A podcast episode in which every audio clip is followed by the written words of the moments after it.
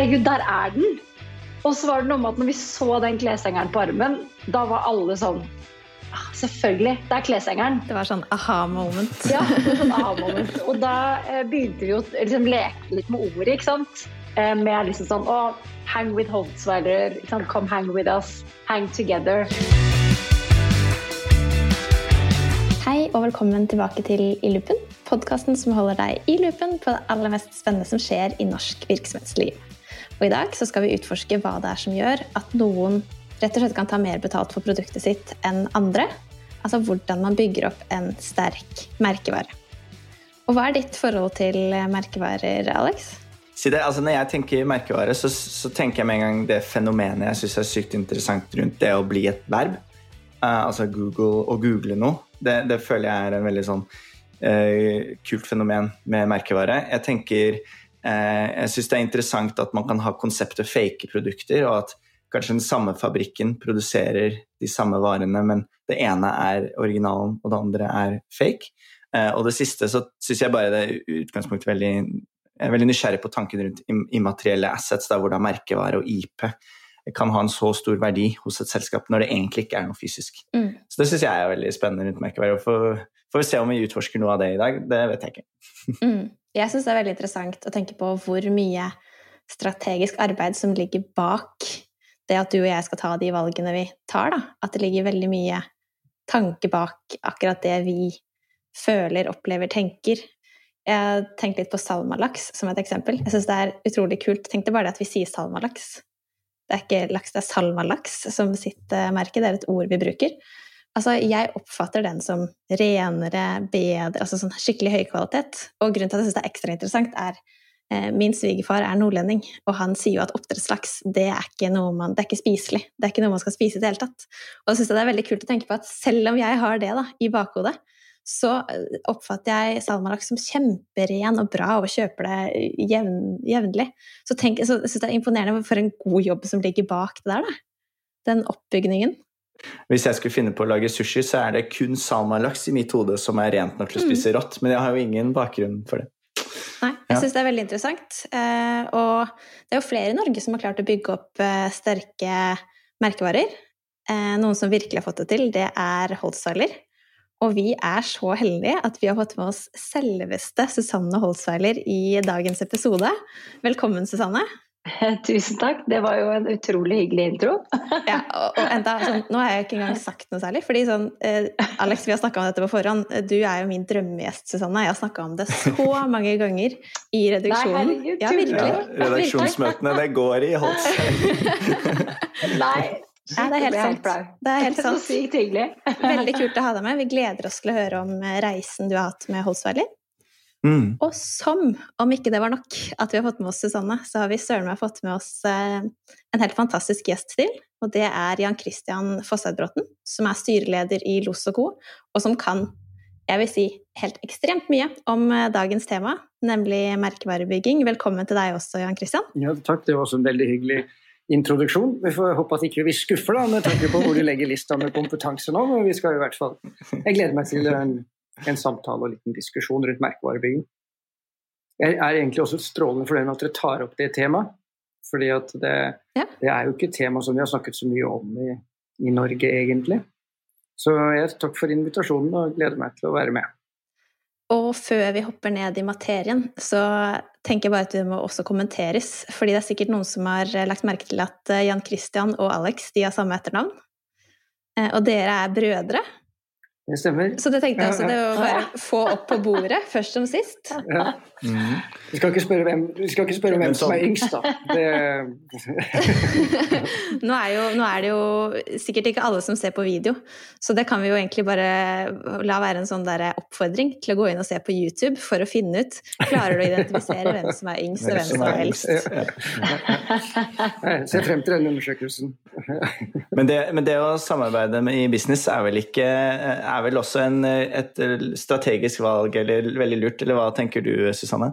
Nei, jeg tenker jo at jeg er jo vant til å ha familie rundt meg hele tiden, liksom. Jobb og privat. Og har jo hele familien min på jobb, så jeg eh, syns det er en god idé å ha broren sin på podkast.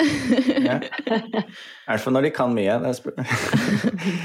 Ja, men bra. La oss uh, snakke litt merkevare. da. Hva er liksom, Når vi tenker merkevare, hva, hva, hva er det? Og liksom, I min ufaglærte bakgrunn rundt liksom, altfor mye arbeid med merkevare, så tenker jeg logo, farge, jeg tenker navn. Jeg tenker liksom rappingen rundt produktet eller rundt tjenesten. Men hva er egentlig merkevaren? Og Jan Christian, kanskje du kan begynne å snakke litt rundt det? Ja, altså det Kjært barn har mange navn, og det er ganske mange definisjoner på hva en merkevare er. da. Men den jeg liker egentlig best, det er den hvor når man skal omtale et produkt, og egentlig se hvor mange assosiasjoner du får til det produktet. Fordi at jo flere assosiasjoner du får, jo sterkere er merkevaren. Så Hvis du tar en bil som Kia, så, så, vil folk kunne si at den kanskje er fra Korea, at det er en bil, en bil som ikke koster så mye, og så har de på en måte kanskje ikke så veldig mange flere assosiasjoner til seg, uten at jeg skal fornærme Kia nå. Mens hvis jeg sier Mercedes, så kommer det masse. Da kommer det tysk kvalitet, luksus, bra teknikk, eh, statussymbol osv. Jo flere assosiasjoner du da har, så kan man jo si at jo sterkere merkevare har du. Og så er det jo som eh, Marte sa, at fordelen egentlig med eh, merkevare er jo at du har mulighet til å ta ut en superprofitt. Fordi når vi gikk på Handelshøyskolen, så lærte vi jo som inngående logistikk og produksjon og salg og markedsføring, og så fikk man da en avkastning på det, alle de tilleggene, altså det man på en måte la inn i produktet, og så solgte man det med en, en form for uh, normalavkastning. Men hvis man klarer å bygge en merkevare, så vil man da kunne få en superprofitt på toppen. Enten fordi du får lavere kostnader inn, fordi du er kjent og en attraktiv eh, kunde for en leverandør, eller fordi folk så gjerne vil ha deg, altså de er villige til å betale mer for deg. Hvis jeg får lov til å si én ting til, så syns jeg at eh, det som er et lite problem i Norge i dag, er at vi skiller ikke så godt mellom merkevarebygging og markedsføring. I USA så har vi branding, og så har vi marketing. Og Historisk sett så har man blandet de to begrepene mye i Norge. Det er egentlig først at vi nå har fått en ny generasjon administrerende direktører som er litt bevisst på forskjellen mellom merkevarebygging, altså hvordan skal jeg skape verdier i produktet mitt utover det normale, og opp mot hvordan skal jeg faktisk få det budskapet ut som det er markedsføring. Er det, er det også ikke en forskjell mellom merkevare og omdømme? Jo, jeg vil si det fordi at uh, vi blir ofte bedt om å lage omdømmekampanjer. Og da er jeg jo veldig fristet til å si at det er ikke lov i Norge. fordi det vil jo bety at man faktisk får lov til å operere i hodet på folk. fordi det er jo sånn hvis jeg sier Coca-Cola eller jeg sier eh, Mercedes eller jeg sier Hurtigruten, så går det ut en skuff, og den går jo opp ut i hodet på folk, hvor dette brandet ligger, og med de assosiasjonene. Så det er jo ikke lov å gjøre noe med det sånn omdømmemessig, men det du har lov til å gjøre, er å jobbe med markedsføringen, jobbe med produktet ditt, jobbe med innovasjon, jobbe med de ansatte. Sånn at du får et annet omdømme. Mens merkevare, så den si, aktiviteten hvor du jobber med de dimensjonene jeg akkurat nå nevnte, da driver du merkevarebygging. Sånn at du oppnår en posisjon i hodet på folk, eller et omdømme i hodet på folk. Du snakker om uh, merkevare, og det vi har lyst til å snakke enda mer spesifikt om i dag, er jo det å bygge merkevare, altså merkevarebygging. Uh, kan du gå litt inn på også, Jan Christian, hva det egentlig betyr å drive merkevarebygging? Ja, altså det, det, For å gå tilbake til spørsmålet til Aleksander. Si, merkevarebygging handler jo egentlig da om å bygge en attraktiv posisjon i hodet på Gjerne kundene primært, men det kan også være offentlige myndigheter eller eksterne partnere. Og Når man da liksom får definert den posisjonen, så kan man gå tilbake og si ok, hvordan skal jeg opptre sånn at eh, folk kommer til å tenke det om meg som jeg vil at de skal tenke med meg. Og Da handler jo det om hvordan er det jeg legger en strategi for hvilke klær jeg skal ha på meg, f.eks., for, eksempel, for å bruke det i den sammenhengen her. Men det er sånn, tar du Norwegian f.eks., som da var en utfordrer i markedet, så valgte jo de fargen rød og en tydelig identitet på det. Så da har man liksom fått på seg noen klær som skal på en måte bekle utfordrerrollen. Og så må man jo da selvfølgelig jobbe med produktet. Ok, Skal jeg fly via en hub, eller skal jeg fly direkte? Skal jeg jobbe med markedsføringen? Skal jeg snakke om SAS eurobonus, eller skal jeg snakke om at jeg flyr deg fra A til B og det ikke er noen spesielle frynsegoder på veien? Mm. Eller eh, skal jeg gjøre andre ting? Og ikke minst få med de ansatte. Når jeg gikk på Handelshøyskolen, så var vi ikke så opptatt av de ansatte og, som en ressurs inn, men i dag så vet vi det at det å ha en, en organisasjon som leverer på verdigrunnlaget ditt, så er noe av det viktigste. Det, det, er jo på en måte, Slik vi har skjønt det, så er det på en måte tre måter å drive merkevare tre ståsted. Du har på en måte det å komme ut ifra en idé, og der tror jeg kanskje vi kommer tilbake til deg, eh, Susanne, etterpå. Eh, du, det andre er en reposisjonering, og det tredje er på en måte en videreutvikling av, um, av brandet ditt eller merkevaren din. Eh, har du noen sånne tanker rundt akkurat eksempler på det, eller hvorfor man ville ha gjort de tre forskjellige, Christian, før vi går over på ja um? Ja, altså vi, vi, kan jo begynne med en, en av Norges sterkeste kjente merkevarer, så er det Hurtigruten. Og de, de var, var, jo på en måte i, i, sin tid definert som en del av cruiseskipnæringen og konkurrerte med hvite cruiseskip, som da for så vidt var mye billigere og mye større båter. Og trengte egentlig å fornye seg fordi målgruppen deres begynte å bli for gammel. vi fleipet litt og sa at det siste du skulle gjøre i livet, var å reise med Hurtigruten. Jo nærmere du timet det din egen dødsdag, jo mer optimalt var det. Du skulle helst bare bæres som av båten rett i bilen og bli kjørt til kirkegården. Så dette med blått hår tok lang tid ikke sant, og var eh, kjedelig og sånn. Så man, da det, hadde man jo et behov for å reposisjonere seg selv. Og da eh, bygget man et produkt og en kategori og la en strategi for å bli ledende innenfor exploration travel. Og Det som var så fint med det, var at Richard Witt, som var han som grunnla Hurtigruten, han var jo en del av Fridtjof Nansen sitt ekspedisjonsteam, så vi kunne da gå helt tilbake til DNA-et til Hurtigruten, som da er en viktig del av merkevaren. Og så bygge da den nye plattformen, altså Exploration Travel. Altså at du reiser, opplever ting og ser ting. Så det er et sånn typisk eksempel på en reposisjonering. Men så har du f.eks. OneCall, som jeg har jobbet mye med. De skulle inn og vi forteller folk at det behøver ikke være dyrt å ringe, det skulle være billig og enkelt. Det jo veldig, var jo på en måte kan si, inspirert av en Norwegian-type historie, så det var noe nytt. Mm. Men så har du andre selskaper som uh, har uh, kanskje mer behov for å legge til en tilleggsdimensjon. Uh, som, som hvis du tar bilforhandlere, som nå kanskje også begynner å drive med utleie. Ja. Og, og, hvis vi tenker på merkevarebygging basert på en idé, der tenker jeg Susanne, dere har jo eh, hatt en veldig god idé. Eh, hvordan, eh, hva fikk dere til å starte den, eh, idé, den, ideen? Og hva var ideen, hva var drømmen bak dette? Altså Holtzweiler er jo eh, bygd veldig organisk, faktisk. Eh, så eh, jeg og broren min vi startet først et klesagentur for snart 15 år siden. Det er veldig rart å si at det er så lenge siden, men det er så lenge siden. Eh, og så eh, begynte denne drømmen om å skape sitt eget brand. Den begynte å vokse, ikke sant? fordi at vi i dette klesagenturet jobbet jo da med å bygge merkevarer ikke sant? Eh, i Norge. Um, og så uh, er jo verken jeg eller broren min er designere, så det å på en måte skulle lansere en hel kleskolleksjon, det, det kunne ikke vi gjøre. Eh, men på et tidspunkt hvor vi tenkte at ok, nå, nå lager vi noe selv, så eh, var det veldig sånn, høy omsetning av skjerf eh, i Norge. Det var et sånn dansk merke som het Beck Søndegård, som solgte helt liksom, eh, absurde mengder med eh, skjerf med stjerne på. Oi. Og vi så jo bare hvordan alle butikkene sant, som var kundene våre solgte bare sånn Altså de solgte så mye skjerf med stjerner, så vi bare ja, men skjerf, liksom, det skal vi klare å lage. Eh, så det var egentlig sånn det begynte. Og så har vi alltid vært veldig opptatt av eh, å gjøre ting litt annerledes. Prøve liksom, Og ikke sånn gjøre ting annerledes for å gjøre ting annerledes, men prøve å se liksom, hva kan vi gjøre nå for å bare tviste litt på det. Så tenkte vi hvordan kan vi liksom gjøre skjerf litt annerledes. Eh, så vi bestemte oss for at vi ville selge skjerf på rull. Så vi, og så fikk vi til designsamarbeid som nå er veldig veldig vanlig. Men når vi lanserte skjerfene våre i 2012, så var det liksom altså Vi hadde liksom sett minimalt til liksom designsamarbeid. Så vi lanserte den første kollisjonen vår um, to samarbeid. Ett med en norsk street art-kunstner som heter Martin Watson. Uh, og det andre var med en uh, norsk jente som heter Alexandra, som drev et veldedig prosjekt i, um, i uh, Namibia.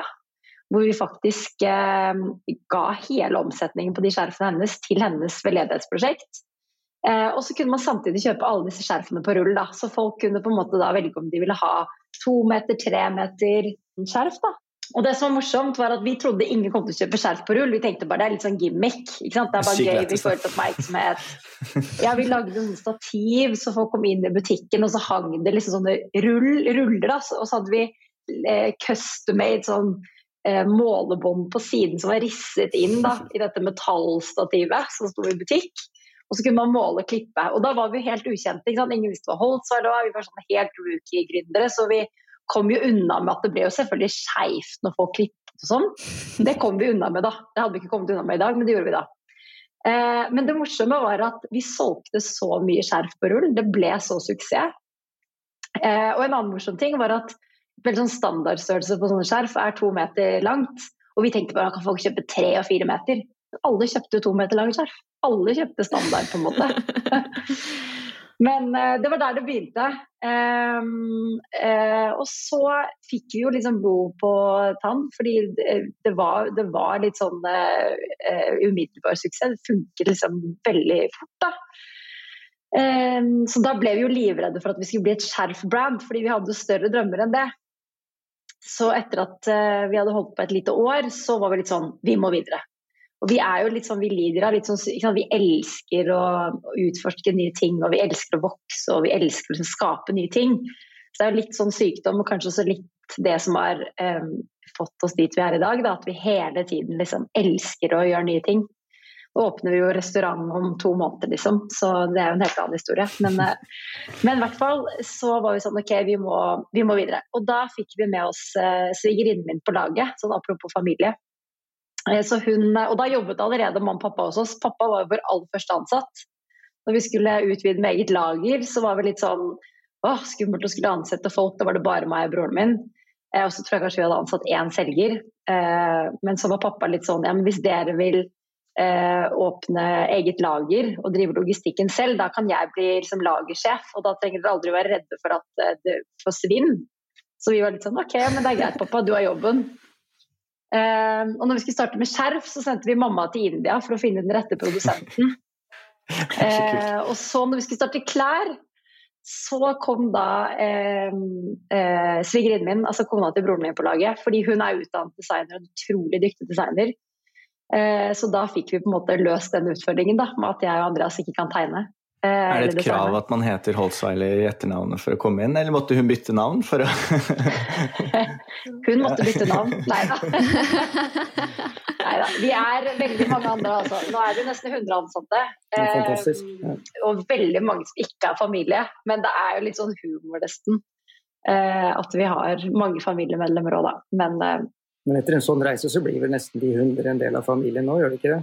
Jo, det gjør det, og det er det som er så fint her. Vi har liksom en utrolig fin eh, ja, kultur da, eh, på jobben. og som gründer da, så blir man jo liksom eh, utrolig takknemlig når man opplever at ansatte som ikke liksom bærer navnet, behandler liksom jobben som sin egen. Da. Og vi har veldig veldig mange av de menneskene, og det er, det er veldig unikt. Og det setter vi veldig pris på. Det er veldig gøy å høre, gøy å høre på deg. Jeg leste et sted, eller jeg hørte faktisk Richard Branson. Han sa det at all, all innovasjon ja. er drevet av to ting. Enten dedication eller desperation.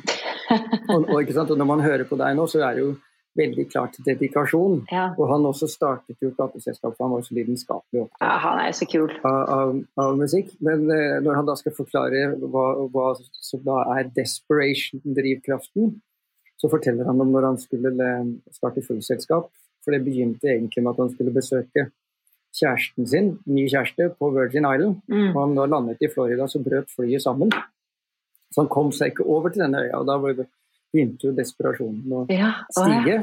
Så han dro, gikk da over på den private delen av flyplassen og, og sjekket ut hvor mye det kostet å chartre et fly.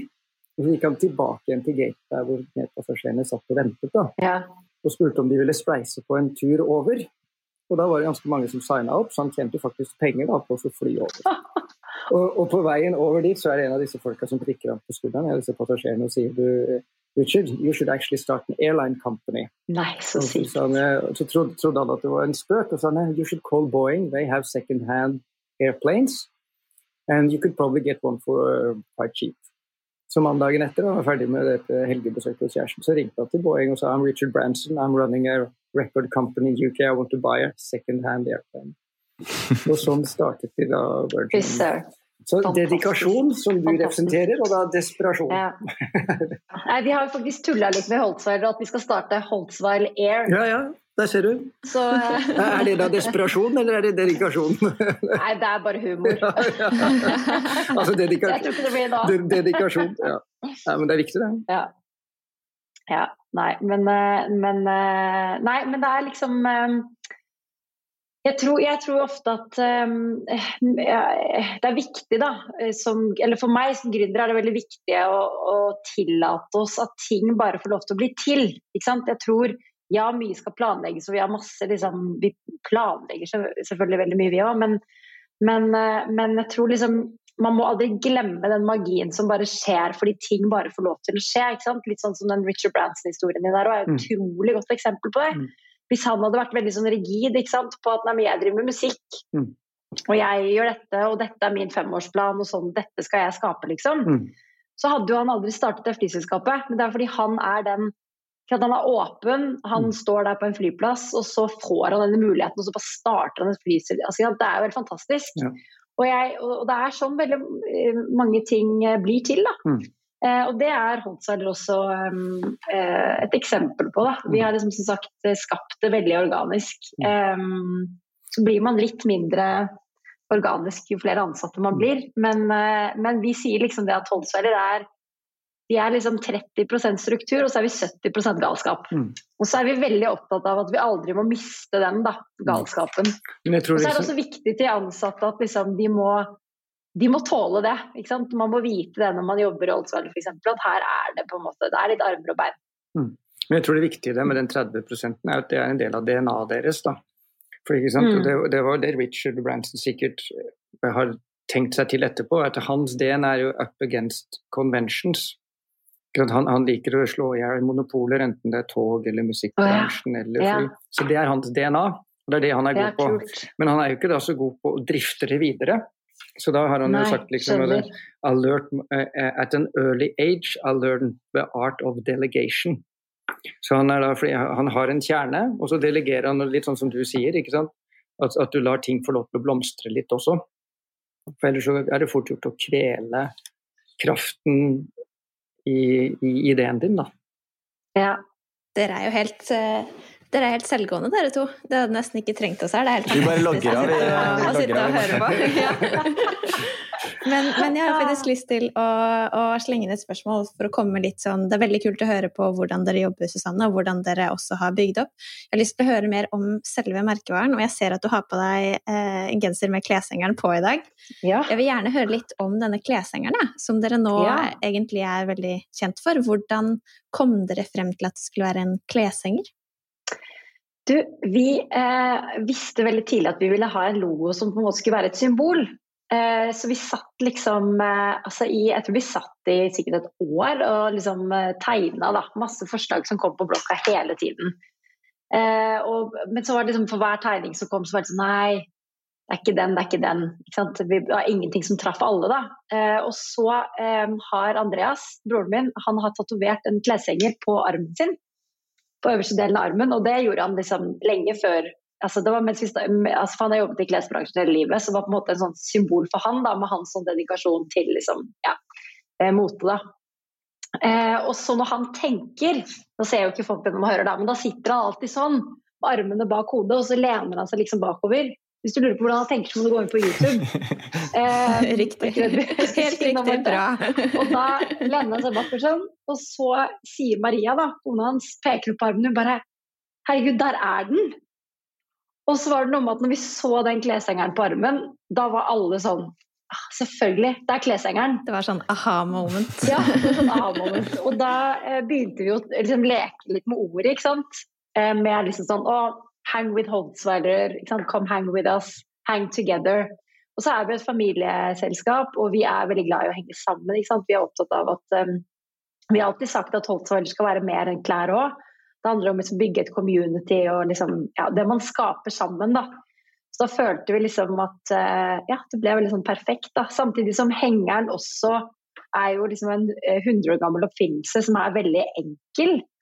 Eh, men som bare fungerer over tid. Og det er også mye av inspirasjonen bak liksom, designet vårt. Da, at det skal være på en måte enkelt og tidløst og få lov til å leve lenge.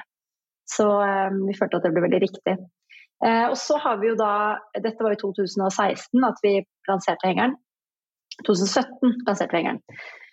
Um, og så har den jo fått lov til å uh, Det ble jo en liten suksesshistorie, det òg. Uh, så det har vært helt fantastisk. Men samtidig så har vi alltid vært litt sånn redde. Vi har vært litt sånn, det er så utrolig mange eksempler der ute med sånne logoer som på en måte det selges for mye, og så mm, blir det feil. da, ikke sant? Så vi har vært veldig redde for å selge for mye. Veldig redde for å på en måte, at det skal bikke. da. Um, så, og vi har solgt uh, mye, men vi har hele tiden holdt igjen. da. Så f.eks. den første genseren som sant, Gigi Hadid gikk med, som mange sikkert har hørt den historien. En oransje hettegenser. Vi, altså, vi kunne ha solgt så mange av den oransje hettegenseren, men da var vi veldig sånn Nei, det er disse vi har produsert. Om det kanskje jeg vet ikke, jeg husker, kanskje det var 1000 gensere, da. Og vi bare lovet oss selv vi lager den aldri igjen. Den skal være utsolgt, folk får ikke tak i den. Og det har vi på en måte vært veldig sånn rigide med. da, at den, Der hadde det ikke om å tjene penger, det handler om å bygge brand. da, og, og, vi tror at liksom, For å bygge brand så må du tørre å bli utsolgt. da, Du må skape en liksom, hig. da, At folk liksom ja, forstår at uh, dette er liksom et unikt produkt. da. Så i starten med kleshengeren ja, men i starten med kleshengeren så prøvde vi oss da litt på litt sånn lanseringer. da, Så vi lanserte først den oransje. ikke sant? Det var jo helt tilfeldig at Gigi Hadid gikk med den, så vi hadde jo litt sånn flaks akkurat der, faktisk. Um, og da ble vi utsolgt i nettbutikken vår på typ liksom 17 eh, minutter. Så var liksom disse genserne borte. Um, og så lanserte vi en burgundergenser uh, noen uker etterpå. Og da krasja nettsiden vår, så det var jo veldig gøy sant, når det her pågikk. da. Um, ja, men i disse dager, bare for å si det, så har vi eh, tatt et helt nytt steg med kleshengeren. Så vi har valgt å bare sånn ref det som det du sa i sted, eh, Jan Kristian. Så nå har vi liksom Det står så gøy når du ramset opp de tre forskjellige måtene å drive branding på. fordi nå har vi tatt et valg om å reposisjonere hengeren. Så nå mm. jobber vi med å rebrande hele konseptet rundt hengeren. Og det har vært veldig gøy. Eh, for da har vi, vi som kommer fra litt sånn organisk, ikke sant? ja men dette gjør vi, hang with also, eller kast ut, og så liksom skjer det mye greier. Um, så har vi liksom tatt et steg tilbake, og så har vi for første gang faktisk um, Men det er sant, da. For første gang liksom bygd et ordentlig konsept på forhånd. da, Vi har jobbet i ett år. Hvordan skal vi rebrande hengeren? Hva skal vi gjøre? Hvem er målgruppen vår? Eh, og så lanserte vi det her nå for et par uker siden. Da. Så det er, veldig, det, er veldig, det er spennende også å få lov til å jobbe litt mer strategisk med markedsføring. Da. Mm. Eller merkevarebygging. Um, Forsiktig. ja, men, det, men, det, men, det, jeg hører som dere har et, holdt på å si, naturtalent på, det er jo å tenke historiefortelling. Ja. Du hører alle, alle, tingene du forteller om historien bak hengeren, at det var din brors tatovering, om hvordan dere mm. hadde skjerf på rull, og hvordan den kappingen ble.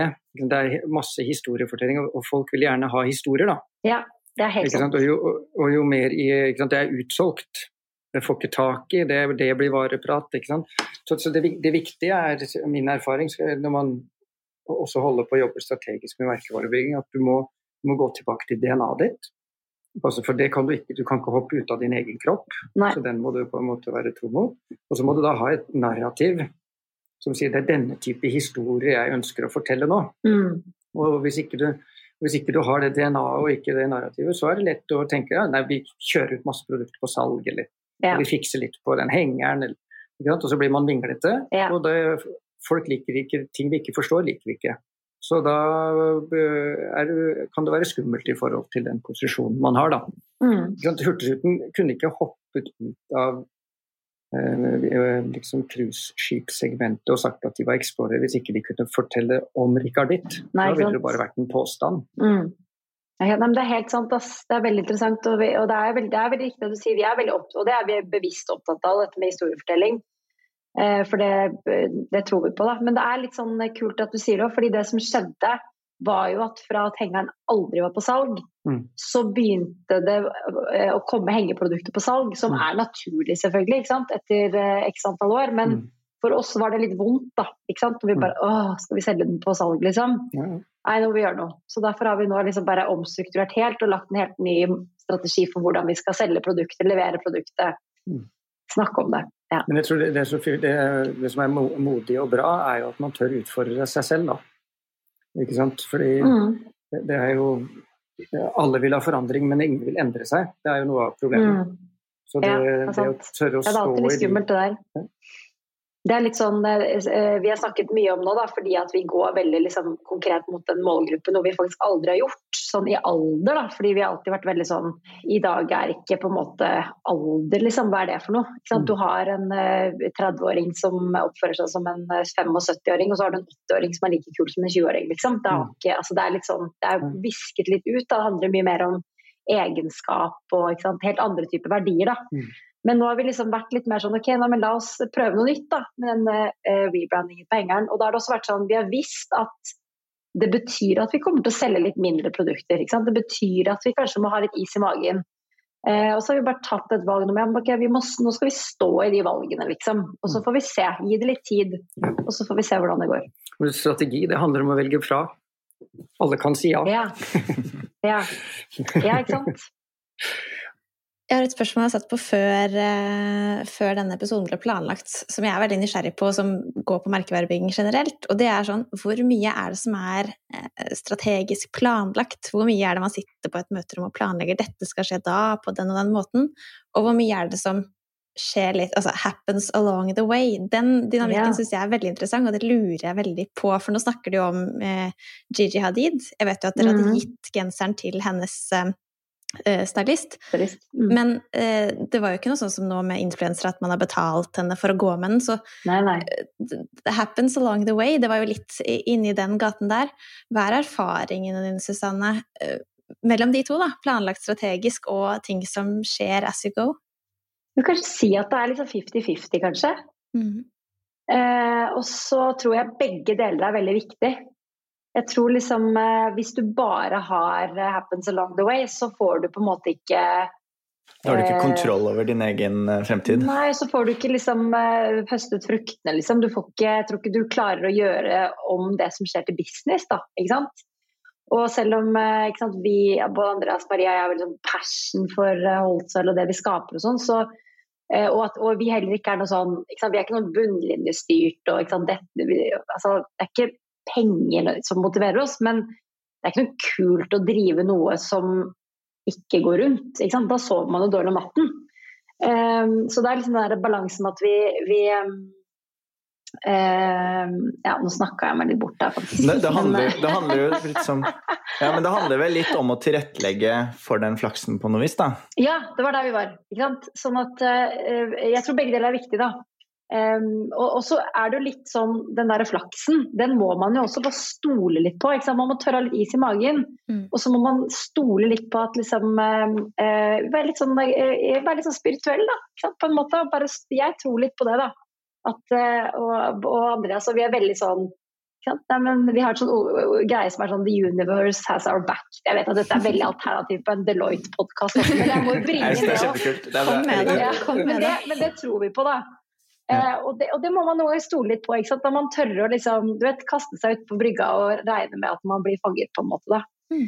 Eh, og, og, det er litt den der balansen der. og Jeg tror også at liksom, det gjør, da, hvis man tør å ha litt den tilliten, og tør å stole på at ting skjer, tør å tro på at man har litt flaks. Ikke bare sitte og liksom ikke gjøre Man må jo gjøre en jobb og sant, sørge for at produktene dine er der ute og gjøre alt der bak, men så må man også stole på at liksom, å, det kommer til å skje noe magisk nå. Um, og da tror jeg man klarer å skape noen resultater man ikke ville klart hvis man bare skulle stått og planlagt. Mm. Ikke sant? Fordi i den planleggingen så forsvinner magien litt, da. Så derfor tror jeg på miksen. Ja. Men jeg, siden du også har Deloitte her, da. Ja. jeg, jeg, tror, jeg, tror, jo veldig på det å være, altså ha et strategisk mindset. Eh, og så tror jeg at den største feilen veldig mange gjør, er at man blir innenfra og ut istedenfor utenfra og inn. Og Hvis du er utenfra og inn, så da er du nysgjerrig på kundene dine på det som skjer rundt. Og da får du mye mer impulser til å være impulsiv. Ikke sant? Jeg har jo da vært i marinen, eh, og jeg husker når jeg da skulle stå og navigere, så, så skiller man i marinen veldig på det å kjøre båt og navigere. For når man navigerer, så tegner man kurser. Da prøver man å kjøre de kursene. Veldig vanskelig å kjøre akkurat på den kursen. Eh, men det viktige var å vite hvor er du i forhold til kursen. Er jeg til høyre eller venstre, for da vet du at du kan unngå å gå på et skjær hvis det er en fare, eller du kan kanskje oppdage en, en fin vik du kan seile inn i. da.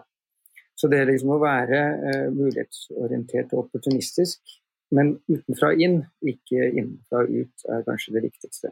For jeg, jeg var så heldig å treffe den, uh, den ordentlig første Google-sjefen i San Francisco.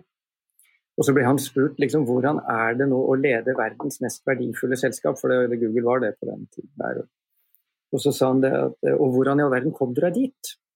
Og så spurte han yeah, well, uh, it was just pure luck. Da var vi jo 30 stykker som satt i salen. Alle lo jo da med. tenkte at ja, typ, Han var en ydmyk fyr som satt og bare var flaks. At han nå plutselig leder verdens mest verdifulle selskap. Men så sa han I have to explain what kind of luck. Whenever I had the choice between going home and watch TV or attend a cocktail party, I attended a cocktail party. And you know what happened? I met Max and he had some brilliant ideas which I took with me mm. next day at work. So they put yourself in a situation where luck might happen. Mm. Det tror jeg, Da blir det magi. Ja, men Det er akkurat det jeg mente. ikke sant? At, uh, at man kan ikke bare Og nå skjer det, nå venter vi her til vi får flaks, liksom. Det er jo ikke sånn. Men man er ute og gjør jobben. Man er ute og møter. Vi har jo reist verden rundt ikke sant? og eh, møtt opp på alle disse sant, festene og middagene og gud vet hva, ikke sant. Um, det er hardt arbeid. Ja, ja, men altså, det er, det er det høres sånn ut, men Merkevarebygging er skikkelig slitsomt. men noen må gjøre det, altså. Det er bare sånn det er. Nei, men der er, sånn, der er, det veldig sånn deilig, fordi Andreas og jeg er veldig sånn team. da. Ja. Vi har alltid eh, vært to, ikke sant? og så etter hvert ble vi jo tre og flere. Men vi har liksom, fra dagen alltid vært to, så vi har alltid vært team. Um, og så når vi har vært ute og reist, har vi alltid vært sånn OK, jeg tar dagen, du tar kvelden. liksom, ja. så, men, men, jeg tror det dere begge er inne på her, er, er liksom konseptet networking, og hvordan liksom, networking viktig, eh, spiller en viktig rolle til å tilrettelegge for flaks, som eh, du Marte sa. Og, og, og, på norsk eh, så mm. kaller man faktisk det eller man kaller det jo snubleflaks. Ja. Eh, på engelsk så kaller vi det serendipity, og det er jo liksom sånn eh, når jeg var i Nova-nettverket, så var det liksom en del av den der networking-kurset om tilrettelegging av serendipity, eller snubleflaks, hvor du snubler over muligheter, finner mm. de leadsene, finner de menneskene, setter mm. de sammen, og så plutselig så har du et konsept og et brand og, mm. og litt sånn. Kult. Vi må nesten videre, eller hva, Marte? Ja, tiden flyr fra oss tenker at vi egentlig Kanskje superraskt på tampen, eh, Susanne, du har nevnt det litt. Eh, planer fremover, men vi, jo, vi vet jo at dere har startet for dere selv. Dere har virkelig bygd opp en suksessfull eh, merkevare. Hva er dere opptatt av nå? Hva bringer fremtiden? Oh, um, nei, nå um har jo vært et spesielt år, da. ikke sant? Eh, vi har jo ikke reist og møtt folk og gjort alle disse tingene der på over et år. Um, så det har liksom gjort at vi har fått lov til å stoppe opp litt uh, og tenke litt, og det har vært utrolig verdifullt. Fordi at um, uh, vi har på en måte fått en litt sånn En av de første tingene som Andreas og Maria snakket om rett etter lockdown i fjor, var litt sånn Jøss, hva er det i all verden vi har drevet og løpt så utrolig fort for, liksom? Hvorfor driver vi og bare reiser og løper og beiner. Ikke sant? Det er jo slitsomt. Vi blir jo slitne av det. Um, så nå har vi på en måte um, bestemt oss for at ok, la oss um, ro litt ned. Se hva vi kan skape hjemme i Norge. og uh, vi har lenge hatt en drøm om å starte liksom en kafé eller restaurant. Mm. Så nå åpner vi jo da et helt nytt konsept eh, i juni i Oslo. I Oslo. Det har også føltes veldig sånn bra. Vi har vært litt sånn å, Paris, Tokyo, London, eh, København. Alt skal liksom skje utenfor Norge. Og nå var det litt sånn godt med hele covid og bare nei, la oss bare skape drømmekonseptet vårt hjemme i Norge. Så vi åpner ehm, ja, vårt drømmekonsept, da, som skal bli et sted eh, hvor man både kan eh, ja, selvfølgelig handle klærne våre, men også spise, drikke, kose seg. Ikke si altfor mye nå, så dere får bare følge med. Men, eh, men, det gleder vi oss veldig til. Eh, så vi går liksom fullt inn i en helt ny bransje vi ikke kan noen verdens ting om. Går liksom all in i restaurantbransjen. Eh, fått med oss utrolig flinke folk på laget som gjør at vi kan få det til. Eh, samtidig som i hele denne eh, covid-greia så har brandet vårt liksom utrolig nok eh, vokst masse internasjonalt. Så vi har liksom kommet inn på noen kjempespennende dører, spesielt i UK og i, i Kina. Så vi har liksom virkelig uppet internasjonaliseringsplanene våre. Som da handler om Holtzweiler-kolleksjonen. Ikke mat foreløpig, men ja. ja. Jeg noe så glad vi jeg, hører en, jeg blir så glad når jeg hører norske merkevarer som vil ut og gjøre noe skikkelig. Å, så hyggelig å høre. ja, det, det, er fantastisk å høre på. Og så virker det også veldig alignet med det vi har sett tidligere når vi snakker consumer og liksom trender om dette med å skape en opplevelse rundt produktet ditt, og det at liksom dere gjør butikken deres nesten til en kafé, da, selv om jeg skjønner at litt, det er litt baklengs inn i dette nå. Så um, det er liksom måten Hvordan er det man skal ha en fysisk opplevelse av produktet ditt i butikken. Liksom yes. Nike har en idrettshall i stedet for en butikk, så du kan teste ja. skoene dine. Ikke sant? Ikke sant? Ja, men så, så, opplevelse er bare så viktig. Opplevelse mm. er liksom skikkelig. Det er en ting vi har snakket om lenge, da. Og jeg tror det er det det handler om. Du får tak i alt på nett nå, og gjennom covid har vi blitt så vant til å handle på nett. Mm. Så hvorfor i all verden skal folk gå ut, liksom? Hvorfor skal jeg gå i en fysisk butikk og bruke tid på det? Og da må det være fordi det gir deg noe mer, da, som du ikke kan få på nett, liksom. Og det er jo opplevelse, da. Som er knyttet til merkevaren. Selvfølgelig. og med det, da. Vi pleier å runde av hver episode med å gi gjestene våre muligheten til å bare ta noen takeaways. Hva er det dere vil at lytterne skal ta med seg fra den episoden her? Eh, kanskje du kan starte, Jan Christian. Hva skal lytterne ta med seg fra denne episoden? Først og fremst syns jeg de skal la seg inspirere av historien til Holsweiler. Mm. Og, og som jeg syns både tør ha være tro mot seg selv og det de tror på, og samtidig være utadvendte og orienterte. Jeg, jeg, tror at det absolutt viktigste skal du lykkes med merkevarebygging, så må du være kundeorientert. Og det høres veldig selvfølgelig ut, men etter hvert som man vokser og blir større og har 100 ansatte, så begynner man å tenke på personalhåndbok og økonomi og regnskapssystem, og så glemmer man kunden, og så glemmer man ideen.